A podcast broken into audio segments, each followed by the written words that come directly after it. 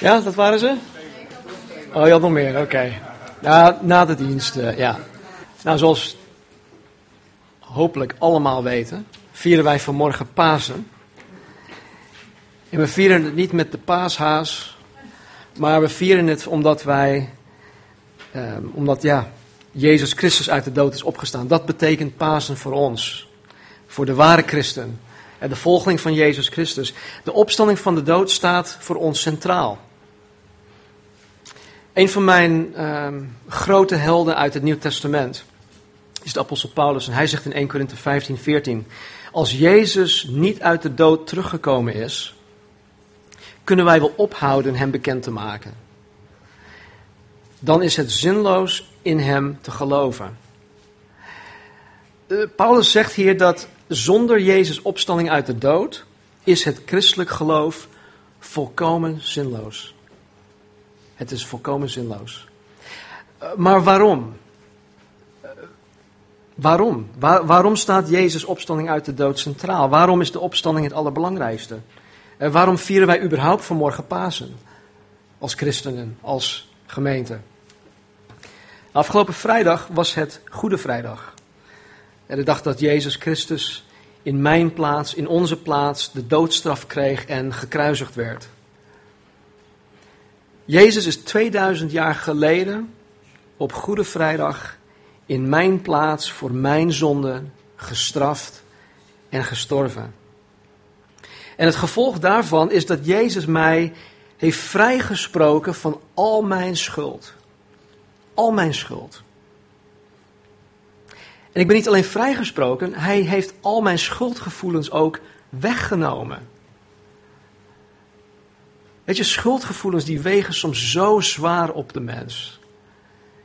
En het is zo fijn om niet alleen vrijgesproken te zijn, maar dan ook gelijk die schuldgevoelens weggenomen te hebben. En het gevolg dat, daarvan, dat Jezus mij heeft vrijgesproken, is dat het, het is mij nu mogelijk gemaakt om verzoend te worden met de God van de Bijbel. God de Vader, de schepper van hemel en aarde. En door mij met God de Vader te verzoenen, heeft Jezus het mij mogelijk gemaakt om in dit leven hier al, in dit leven, een persoonlijke vader- en kindrelatie aan te kunnen gaan met God. Geen andere godsdienst, geen andere religie biedt ons of biedt de mens deze mogelijkheid. Alleen door Jezus Christus is dat mogelijk. En als je echt weet wat, wat dit betekent, zo'n relatie met God de Vader, dan zou je meteen al beamen dat dit al meer dan genoeg is om christen te willen zijn. Dat dit al meer dan genoeg is om in Jezus Christus te willen geloven en om Hem te willen navolgen. Als je maar een beetje daarvan begrijpt, dan zeg je van nee, dat is het helemaal, dat wil ik. Maar weet je, dit is, dit is maar de helft van het verhaal. Dit is maar de helft van het verhaal, want Jezus is niet alleen voor ons gestorven, hij is uit de dood opgestaan. En dat is ook uniek voor het christendom. Het graf van Mohammed, Boeddha, Confucius, noem maar op, alle andere zogenaamde profeten, oftewel godsdienstleraren van de eeuwen. Geen enkel van hun is, is opgestaan uit de dood. Geen, geen een. Alleen Jezus kan die claim maken. En de gevolgen van Jezus' opstanding uit de dood, die gaan veel verder dan alleen dit leven hier op aarde. Gods bedoeling met Pasen stijgt ver boven alles uit.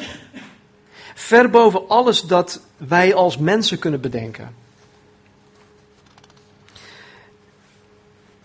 Ik bedoel het niet um, neerbuigend, ik, ik ben er zelfs dankbaar voor. Maar wetenschappers, die werken keihard om het leven hier op aarde op een hoger niveau te tillen. En door middel van onder andere genetische manipulatie. Als je niet weet wat genetische manipulatie is, eh, google het even, dan kom je vast wel een aantal artikelen tegen waar het uitgelegd wordt. En ze doen dat. En ik ben daar wel dankbaar voor, want het heeft ja, ook wel gevolgen voor, voor mijn leven hier op aarde. Vooral wat het gebak en dat soort dingen betreft. En de cosmetische chirurgie tracht de kwaliteit van het leven te verhogen door mensen een mooier uiterlijk te geven. Extreme makeover, ik noem maar, noem maar wat. De westerse wereld tracht haar democratie in te voeren in landen waar de regering haar eigen bevolking onderdrukt. En dit zijn, of deze, dit kunnen allemaal goede dingen zijn. Kunnen.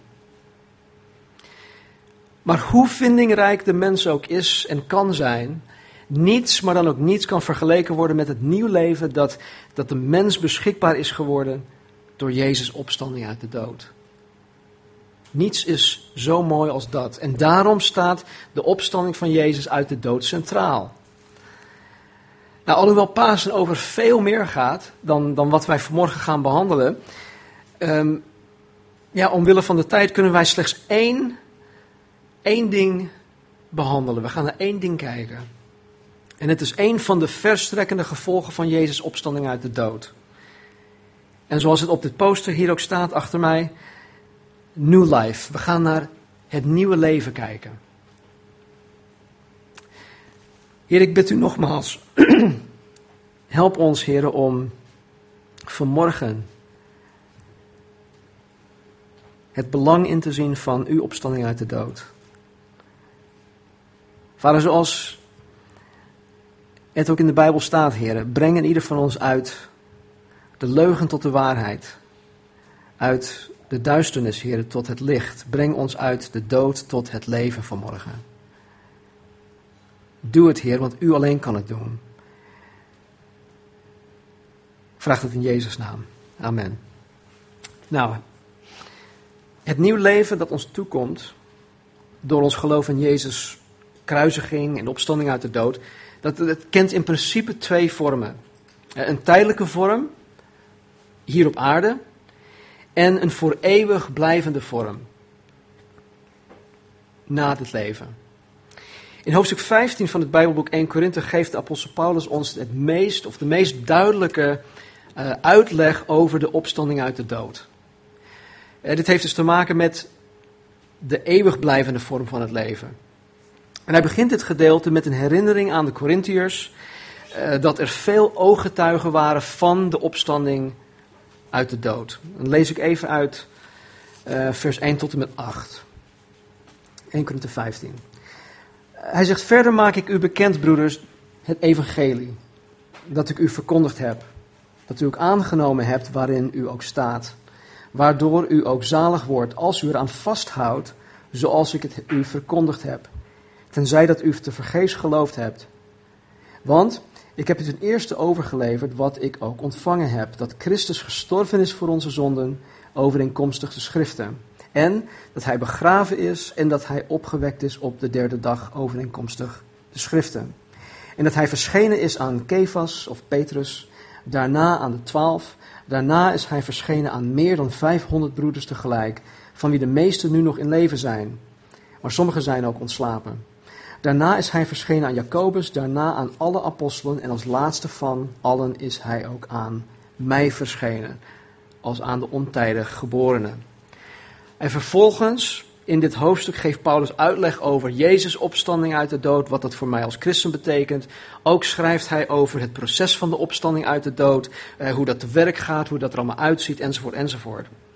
Nou, we hebben dit hoofdstuk in afgelopen december en januari volgens mij uitvoerig behandeld. We hebben, we hebben echt vers voor vers hebben wij deze, dit hoofdstuk behandeld.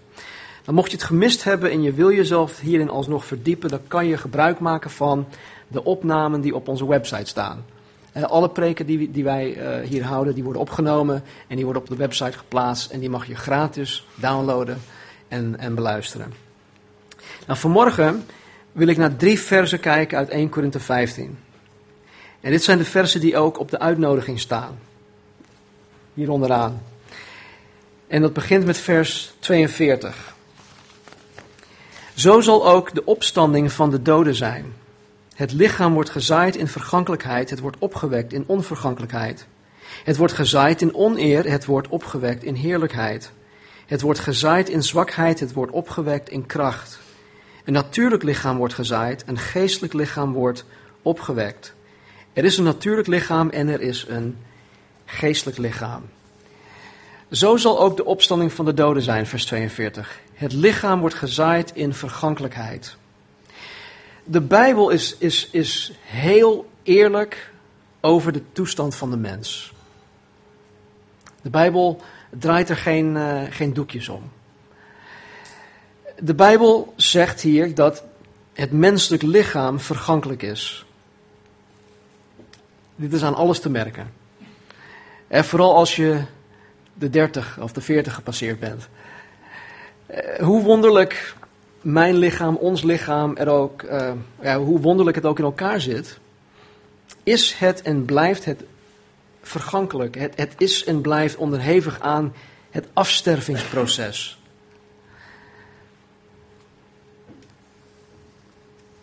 We zien het aan de rimpels in onze huid. We zien het aan het grijs worden van je haar. Of het verliezen van je haar. Het niet meer zo fit zijn als dat je vroeger was. Je merkt het aan alle, aan alle pijntjes en, en kwaaltjes die je, die je begint te krijgen of die je misschien al jarenlang hebt. Het afstervingsproces is, zoals ik al zei, is, is aan alles te merken. En, en hoeveel geld mensen ook uitgeven aan het trachten te remmen van dit proces, er zal in ieders leven een moment komen dat zijn of haar lichaam het zal begeven. Gegarandeerd. Die garantie geef ik jullie vanmorgen. Je ziet het ook aan ziekte. Ziekte is een van de kenmerken van de vergankelijkheid. Ik weet dat in sommige kringen ziekte niet geaccepteerd wordt. Maar ziekte is een van de dingen die wij hebben geërfd omdat wij vergankelijk zijn. Het is nou eenmaal zo. Geneest God? Absoluut. Doet hij dat altijd? Nee. Geen enkel persoon is vrijgesteld van de vergankelijkheid. Ieder mens die ooit geboren is, is ook gestorven. Behalve een aantal, zoals Henoch en Elia. Maar de normale mensen, zoals wij, iedereen die geboren is, is ook gestorven. En daarom zegt Paulus ook hier, hier in vers 42, zo zal ook de opstanding van de doden zijn. Het lichaam wordt gezaaid in vergankelijkheid. Uh, Paulus gaat hier uit van een traditionele begrafenis waarin mensen in de grond begraven worden. En hij vergelijkt deze begrafenis met het zaaien van een zaad in de grond. Het menselijk lichaam wordt gezaaid in vergankelijkheid. Het wordt gezaaid als een sterfeling, maar het wordt opgewekt in onvergankelijkheid. Nou, wat wij hier zien. Een, een zaadje, die wordt in de, in de grond gestopt. Maar voordat het tot leven komt, moet dat zaadje eerst afsterven. En dat geldt ook voor ons. Wij worden als stervelingen in de grond gezaaid. Maar er zal een moment komen dat wij in onvergankelijkheid worden opgewekt. Zo zal ook de opstanding van de doden zijn. Het lichaam wordt gezaaid in vergankelijkheid, het wordt opgewekt in onvergankelijkheid. De Bijbel leert ons hier dat ons vergankelijk lichaam op een gegeven moment opgewekt gaat worden in onvergankelijkheid. Weet je, dit is voor mij, ik vind het geweldig nieuws. Want, ja, ik ben niet super blij met mijn vergankelijk lichaam. Wie van ons is echt tevreden hè, of blij met ons vergankelijk lichaam? Als wij dat waren, dan zouden alle cosmetische chirurgen waarschijnlijk out of business zijn. De hele make-up industrie, noem maar op. Onvergankelijkheid is gelijk aan onsterfelijkheid. Op het moment dat ik mijn opstandingslichaam zal krijgen, ben ik onsterfelijk. Het afstervingsproces zal totaal geen vat meer op me hebben. Geen rimpels meer, geen grijs haar of kaalheid, geen kwalen of pijn, geen ziekte. Gewoonweg onsterfelijkheid. Vers 43. Het wordt gezaaid in oneer, het wordt opgewekt in heerlijkheid. Het wordt gezaaid in zwakheid, het wordt opgewekt in kracht. Hier zegt de Bijbel dat het lichaam in oneer, oftewel in schande, gezaaid wordt. Het Centrum voor Bijbelonderzoek zegt dit over de oneer. De bedoelde oneer is niet speciaal het gebrek aan eer van een dood lichaam, maar de toestand van oneer, gevallenheid, waarin de mens voortdurend leeft.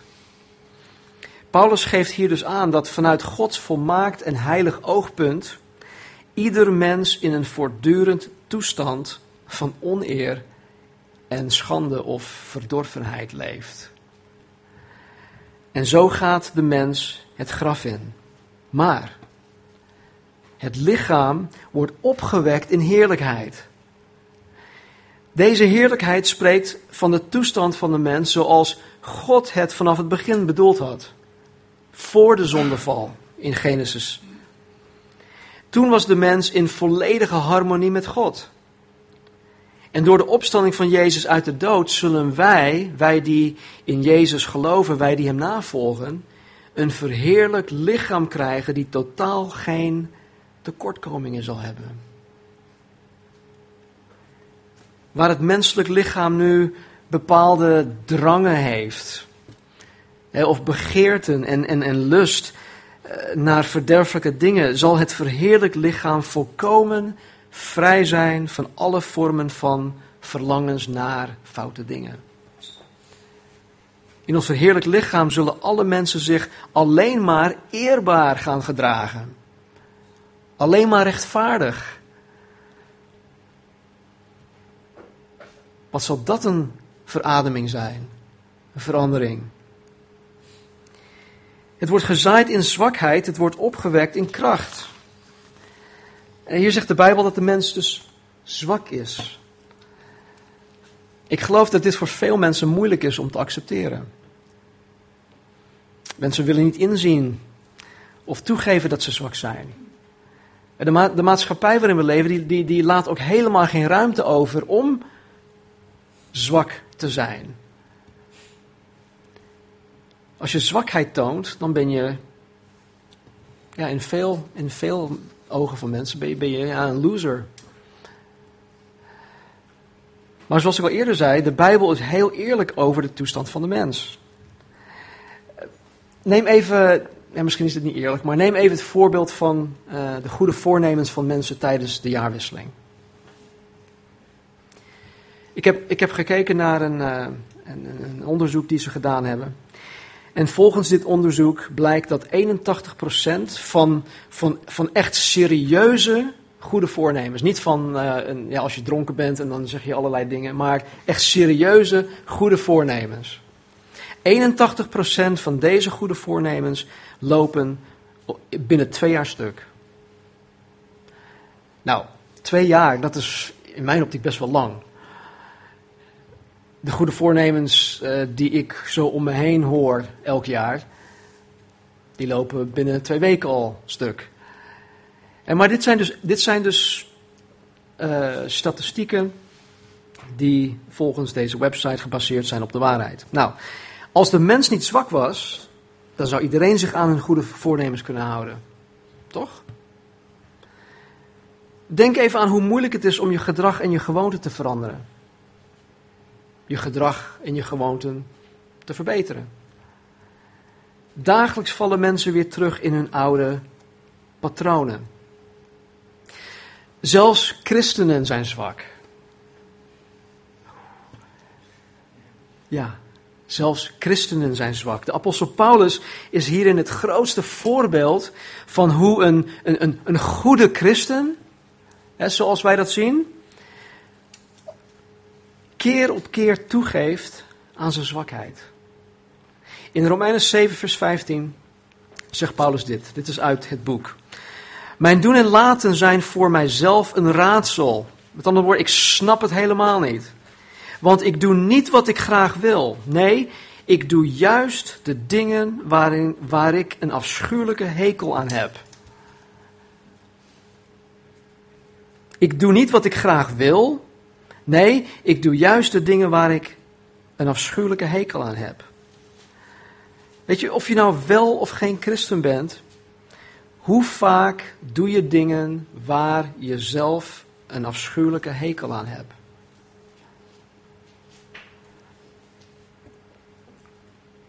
Bij mijn sterven zal mijn lichaam in zwakheid gezaaid worden, maar, maar, het wordt opgewekt in kracht.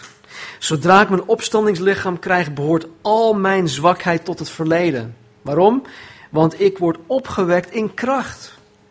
Dunamis.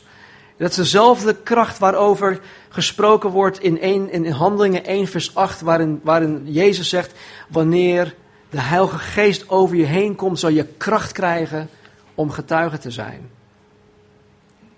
Dunamis is ook dezelfde kracht waarmee God door de Heilige Geest Jezus uit de, uit de dood heeft opdoen staan. Dus dezezelfde kracht zal ik ook krijgen. Denk aan, aan alle zuivere en rechtvaardige facetten van je leven waarin je kracht zou willen hebben. Nou, ik zou heel graag kracht willen hebben in mijn lichaam. Ik, heb, ik, ik ben het merendeel van mijn, van mijn dagelijks bestaan vermoeid. Ik, ik heb vaak last van hoofdpijn. Ik, ik heb pijn in mijn gewrichten. Ik, ik heb een, een schildklier die het niet zo goed meer doet. Ik heb hoge bloeddruk. Ik heb last van, van spanning. Noem maar op. En ik denk dat we allemaal wel ons eigen lijstje van, van dingen hebben. Maar ik zou heel graag kracht willen hebben in mijn lichaam. Kracht om dingen te doen die ik nu niet kan doen. En zo vaak ben ik, ben ik vermoeid en, en, dan, dan wil ik nog in gesprek gaan met iemand of dan wil ik nog iets doen, maar dan leg ik de telefoon naast de haak.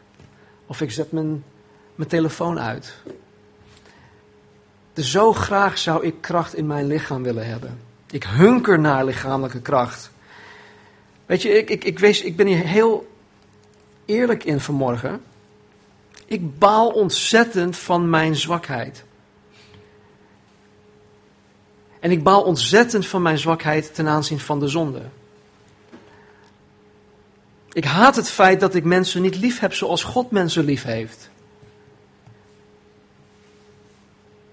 Ik haat het feit dat ik niet genoeg tijd besteed aan God in gebed of in het bestuderen van zijn woord of gewoon in stilte aan zijn voeten te zitten. Ik vind het verschrikkelijk.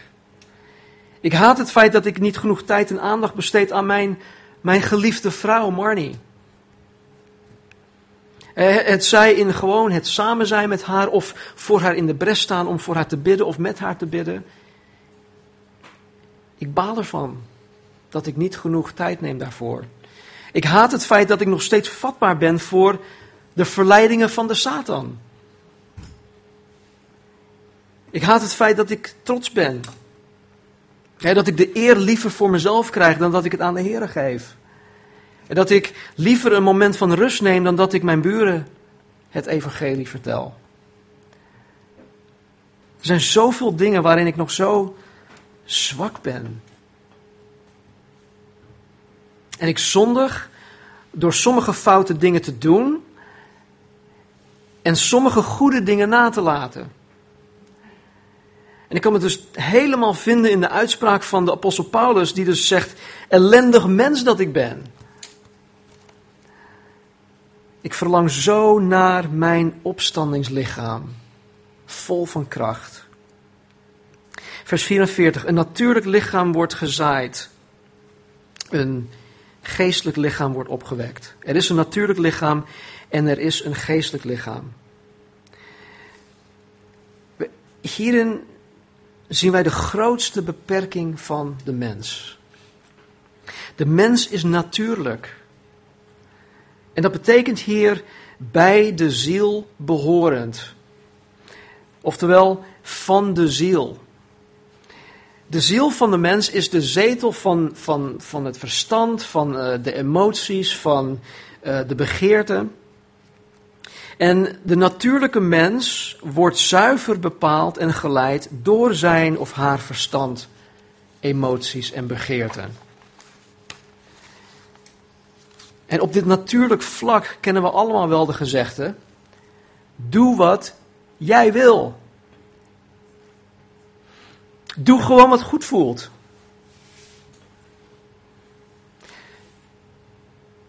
De schrijver van Spreuken heeft hier iets over te zeggen. Hij zegt: De mens denkt dat zijn weg de juiste is. En met andere woorden, alles dat de mens kan bedenken of verzinnen om te doen in dit leven of te laten in dit leven, zonder God erbij te betrekken, zonder zich te onderwerpen aan de heerschappij van God Almachtig, denk deze mensen of denkt deze mens dat zijn weg toch de juiste is. Maar, staat er, ten slotte leidt die toch naar de dood. Door alleen bepaald en geleid te worden door je verstand,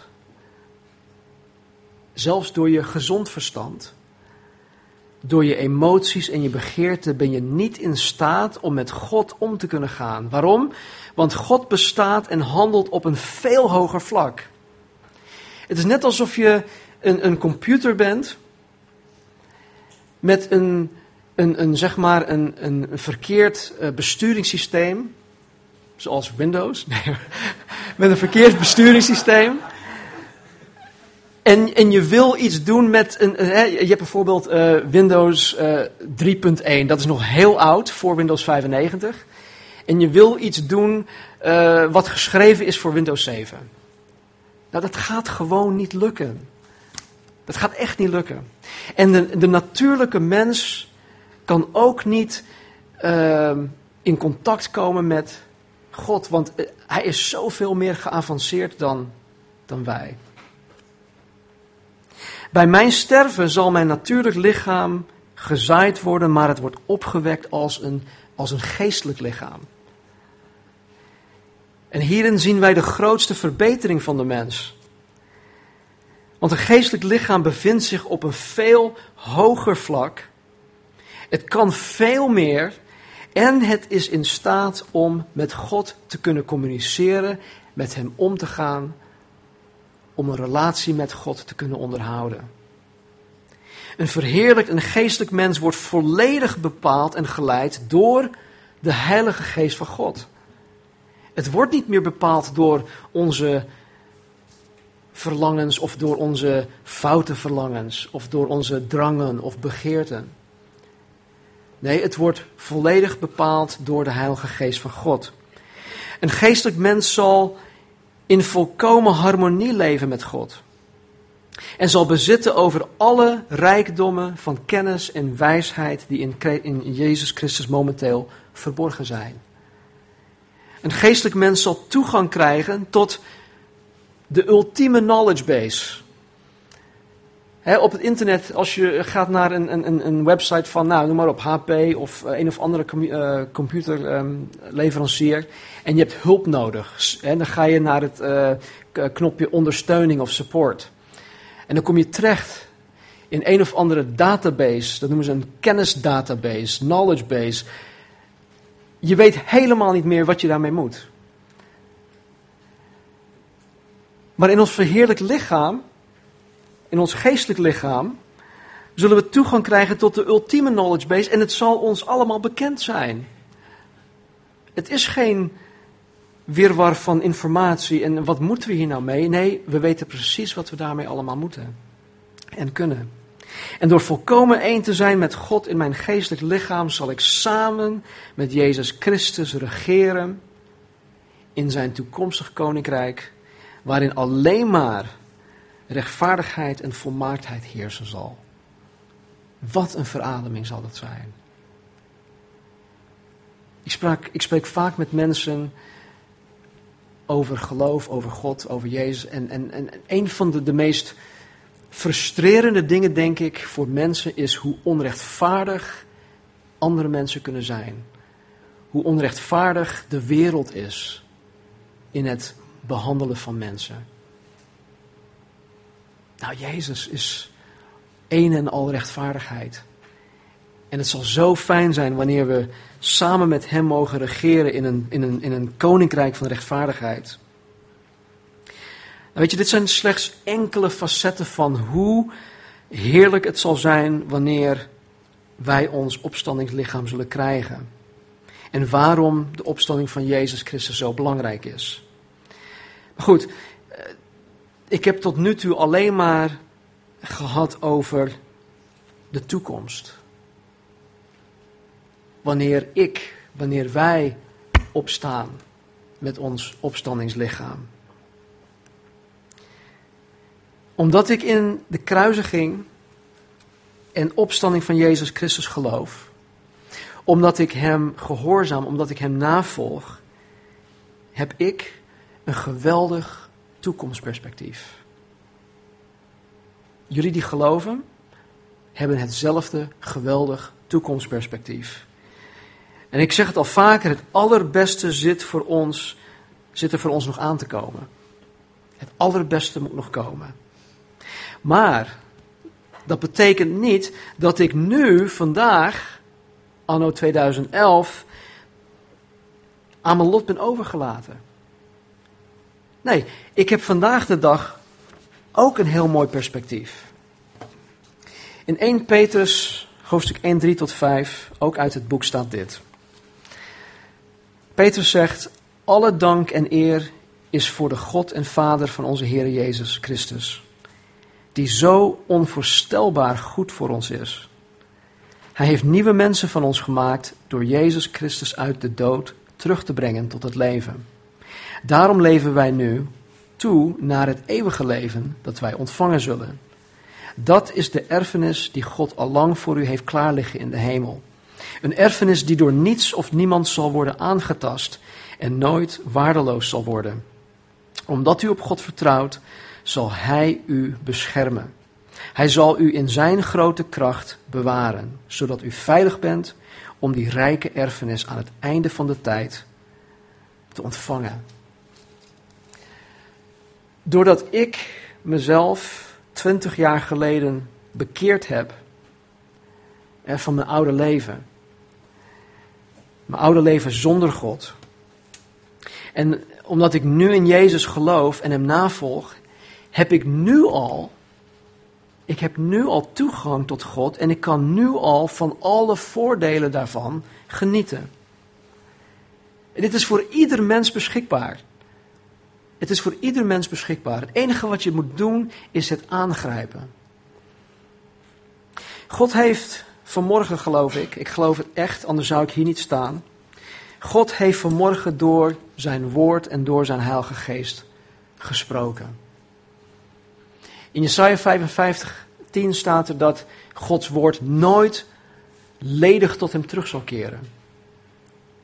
Het bereikt altijd het doel waartoe hij het gezonden heeft. En vanmorgen ook. Niemand in deze zaal is hier toevallig. Ik geloof echt dat God voor een ieder persoonlijk een boodschap heeft. Dus het is niet een kwestie van heeft God vanmorgen gesproken door zijn woord en door de Heilige Geest. Nee, de vraag is, heeft God tot jou gesproken? Heeft God tot jou persoonlijk gesproken? Want daarom zitten we hier. Als ik in jullie plaats zat, dan zat ik daar niet om God te laten spreken voor die, voor die gast die naast me zit. Of aan die kant. Nee, ik kom hier om te horen wat God tot mij te zeggen heeft. Dus de vraag is, heeft God vanmorgen tot jou gesproken?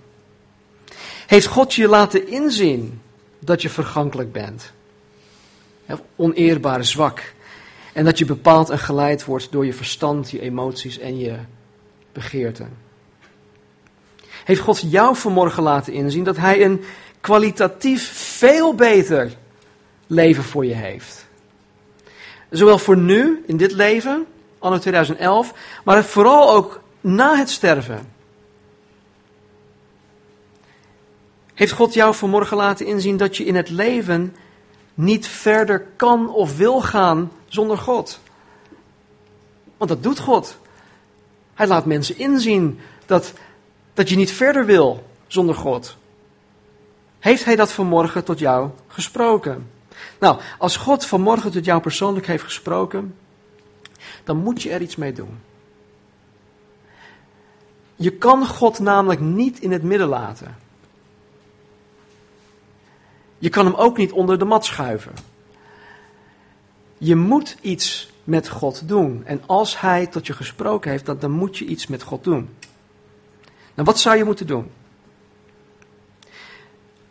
Als je nog niet gelooft, als Jezus Christus nog niet jouw Heer en Verlosser is, als je nog niet zeker weet dat wanneer je je laatste adem hier op aarde uitblaast, dat je bij Hem zal zijn, dan moet je het volgende doen. Ten eerste zou je aan jezelf en aan God moeten toegeven dat je een zondaar bent. Nou, tenzij je volmaakt bent, is dat heel makkelijk, denk ik. Je moet toegeven dat je foute dingen hebt gedaan, dat je tegen God hebt geschopt al die jaren. En dat je er spijt van hebt. Je moet berouw tonen. En niet alleen spijt, ja oké, nou ik heb er spijt van, maar ja, ik doe er verder niks mee. Nee, je moet dus de, de, de volgende stap nemen. Je moet je bekeren tot God. En dat betekent simpelweg dat je een bewuste keus maakt om van je oude leven zonder God af te keren. Waarin je eigenlijk alleen maar door je, je, je, je, uh, je verstand, emoties en, en begeerte bepaald en geleid wordt. Daar moet je je van af. Dus je draait als het ware 180 graden om en je, je gaat nu een andere richting op, richting God. En dit vergt heel veel moed. Het vergt ook geloof. Want ja, zien jullie Jezus hier staan? Dat hij zegt van, kom naar me toe, ik ben opgestaan uit de dood. Nee, ik zie hem ook niet, maar weet je, ik geloof toch in een onzichtbare God. Dus het vergt een, een, een stap in geloof. En je moet een stap in geloof zetten door in Jezus Christus te willen geloven. Om te geloven dat Hij in jouw plaats gestorven is en dat Hij na drie dagen ook opgestaan is uit de dood. En je moet hem vragen om je te vervullen met de Heilige Geest. En zodat je de kracht, die dunamis, die opstandingskracht zal ontvangen om een christen te kunnen zijn.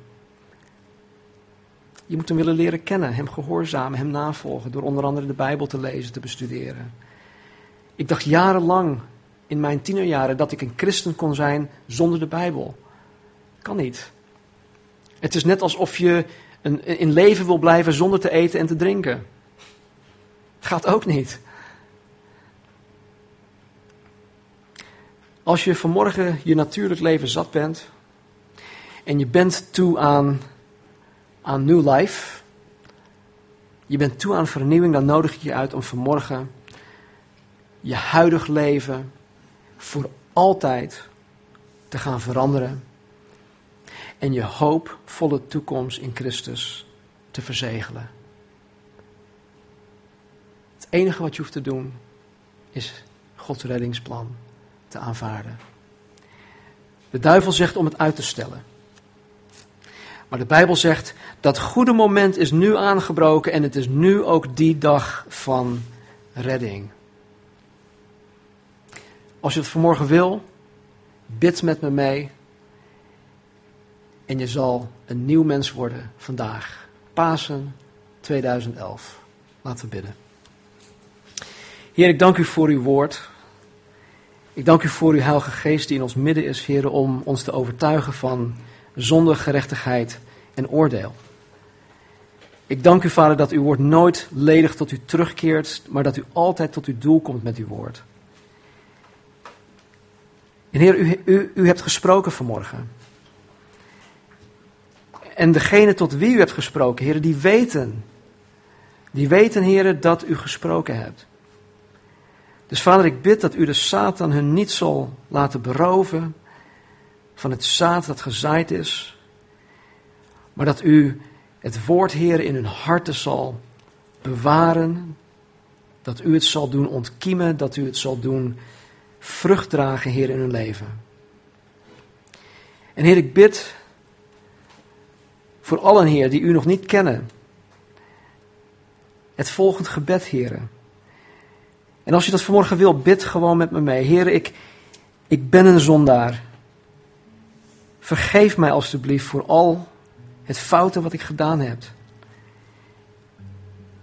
Heer, ik heb, ik heb zo'n spijt van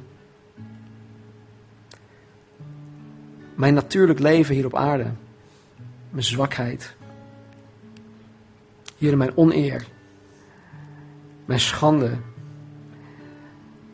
En Heer, ik geef toe, ik ben een zondaar. Heer, vergeef me alstublieft. Heer, ik bekeer me van mijn oude leven. Ik wil vanaf dit moment samen met u, als het ware, het huwelijksbootje instappen. Want Jezus, u bent de bruidegom, wij zijn uw bruid. En Heer, ik, ik wil geloven.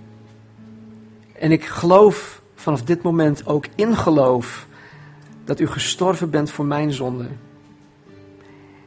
En dat u mij op dit moment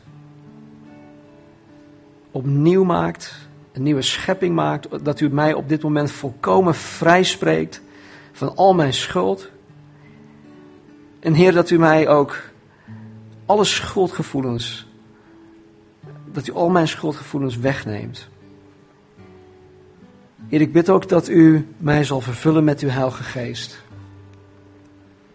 Want Heer, zonder uw geest kan ik geen christen zijn. En ik beloof, Heer, vanaf dit moment u na te volgen.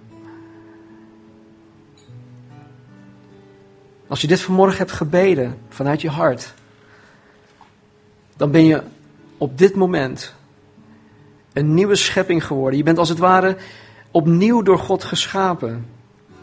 De Bijbel zegt dat ieder die in Christus is, is een nieuwe schepping.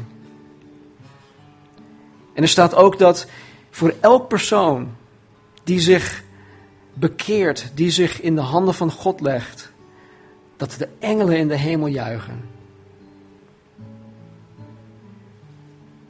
Als je dat gedaan hebt, dan juicht de hemel voor jou. O Heer, dank u wel voor Pasen. Help in ieder van ons, Heer, vanmorgen in de opstandingskracht te leven.